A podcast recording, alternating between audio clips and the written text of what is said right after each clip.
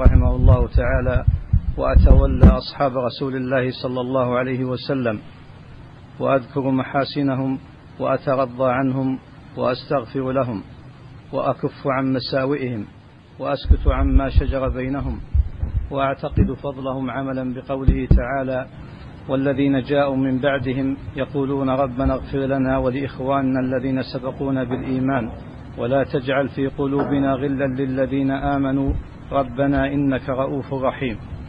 بسم الله الرحمن الرحيم. الحمد لله رب العالمين. صلى الله وسلم على نبينا محمد وعلى آله وأصحابه أجمعين. يقول الشيخ الإمام محمد بن عبد الوهاب رحمه الله في عقيدته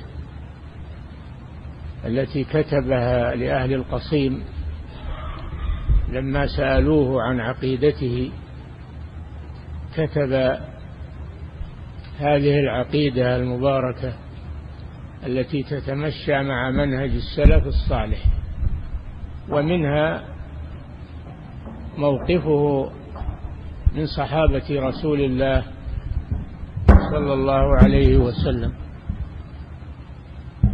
وأنه يحبهم ويترضى عنهم ويثني عليهم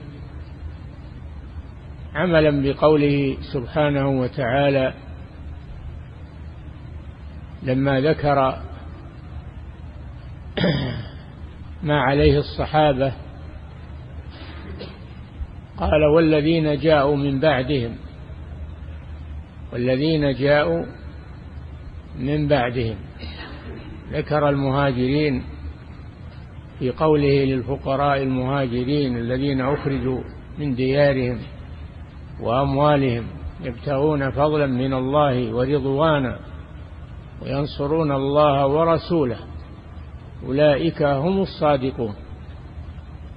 ثم ذكر الأنصار فقال والذين تبوأوا الدار يعني المدينة تبوأوا الدار والإيمان من قبلهم يحبون من هاجر إليهم.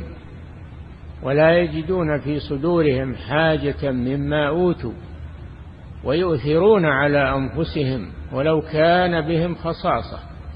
ومن يوق شح نفسه فأولئك هم المفلحون. ثم قال والذين جاءوا من بعدهم إلى يوم القيامة والذين جاءوا من بعدهم يقولون ربنا اغفر لنا ولإخواننا الذين سبقونا بالإيمان. ولا تجعل في قلوبنا غلا للذين آمنوا. ربنا إنك رؤوف رحيم. فالمسلم هكذا يكون مع الصحابة المهاجرين والأنصار يحبهم ويثني عليهم ويتأسى بهم ويقتدي بهم ولا يكون حاقدا عليهم. أو يتلمس لهم الزلات والعثرات أو يسبهم كما عليه الرافضة ومن شايعهم من أهل الباطل الذين يبغضون صحابة رسول الله صلى الله عليه وسلم ويلعنون أبا بكر وعمر رضي الله عنهما فهذا أمر باطل مخالف لكتاب الله وسنة رسوله صلى الله عليه وسلم.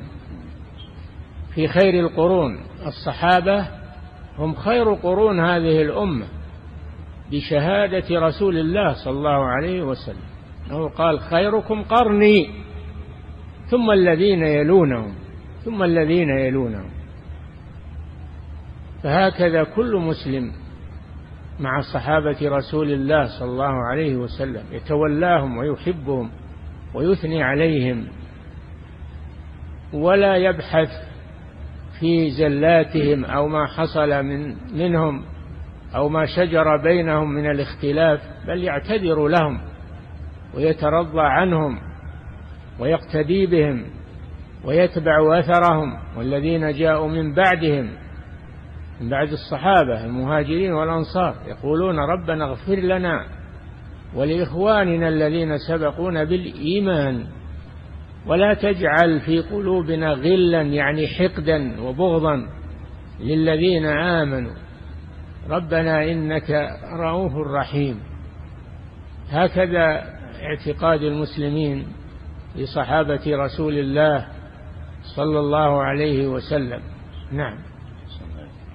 وأتغضى عن أمهات المؤمنين المطهرات من كل سوء. نعم ومن عقيدة أهل السنة والجماعة الصحابة عموما كما سبق وفي أهل بيت رسول الله صلى الله عليه وسلم خصوصا يخصونهم بما خصهم الله به من الإكرام والتولي والمحبة والإجلال ولا سيما زوجات الرسول أمهات المؤمنين يحبهن ويترضى عنهن ويثني عليهن بخلاف الذين يطعنون في أزواج النبي صلى الله عليه وسلم من الرافضة والشيعة وأهل النفاق وأهل النفاق وأهل الشر. نعم. وأقر بكرامات الأولياء وما لهم من المكاشفات. إلا إيه. أنهم لا يستحقون من حق الله تعالى شيئا ولا مسألة الكرامات نؤجلها إلى الدرس القادم إن شاء الله ولكن هذه المسألة مسألة الصحابة وأهل بيت الرسول صلى الله عليه وسلم وأزواج الرسول صلى الله عليه وسلم. يجب على المسلم أن يتبع في حقهم ما جاء في كتاب الله وفي سنة رسول الله صلى الله عليه وسلم ولا يلتفت إلى أقوال المغرضين والمنافقين والشيعة والرافضة وغيرهم من أهل الباطل يترضى عنهم ويقتدي بهم ويحبهم ويثني عليهم ويمسك عما يحصل من بعضهم لأنهم بشر يخطئون هم بشر يخطئون ولكن خطأهم مغفور. ليسوا كغيرهم. فهكذا يجب اعتقاد المسلم ولا يلتفت إلى ما يكتب في كتب التاريخ التي يعني بعض بعض كتب التاريخ التي يدس فيها الشر ويدس فيها الاتهامات ويدس فيها النفاق.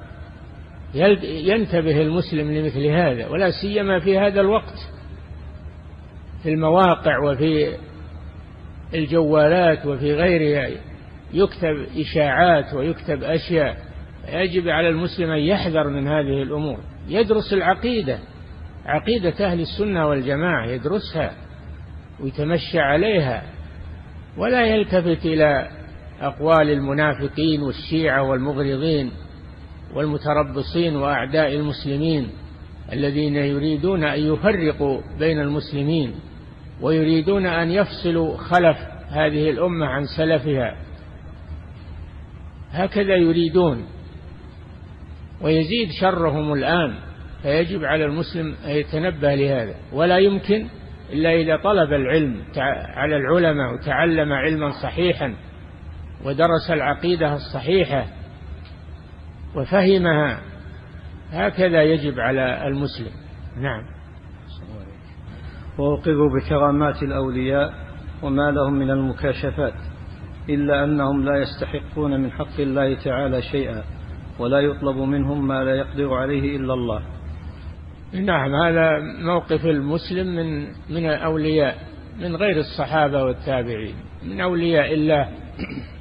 الله جل وعلا يقول ألا إن أولياء الله لا خوف عليهم ولا هم يحزنون. من هم؟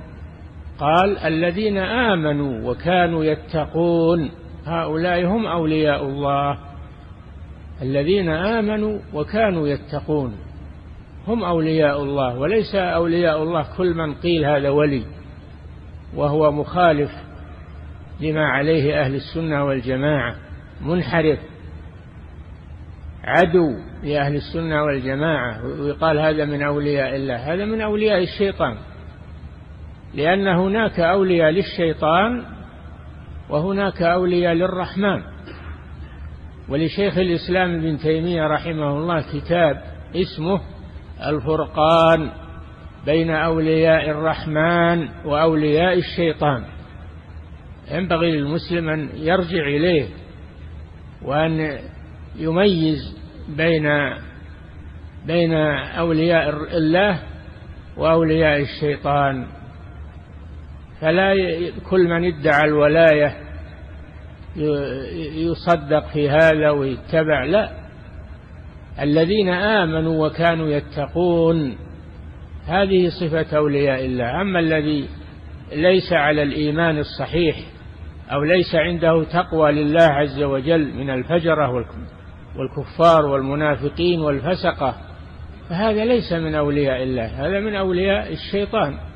ليس كل من ادعى أنه ولي لله أو ادعي له أنه ولي لله يكون وليا لله حتى يتصف بهاتين الصفتين العظيمتين الذين آمنوا وكانوا يتقون.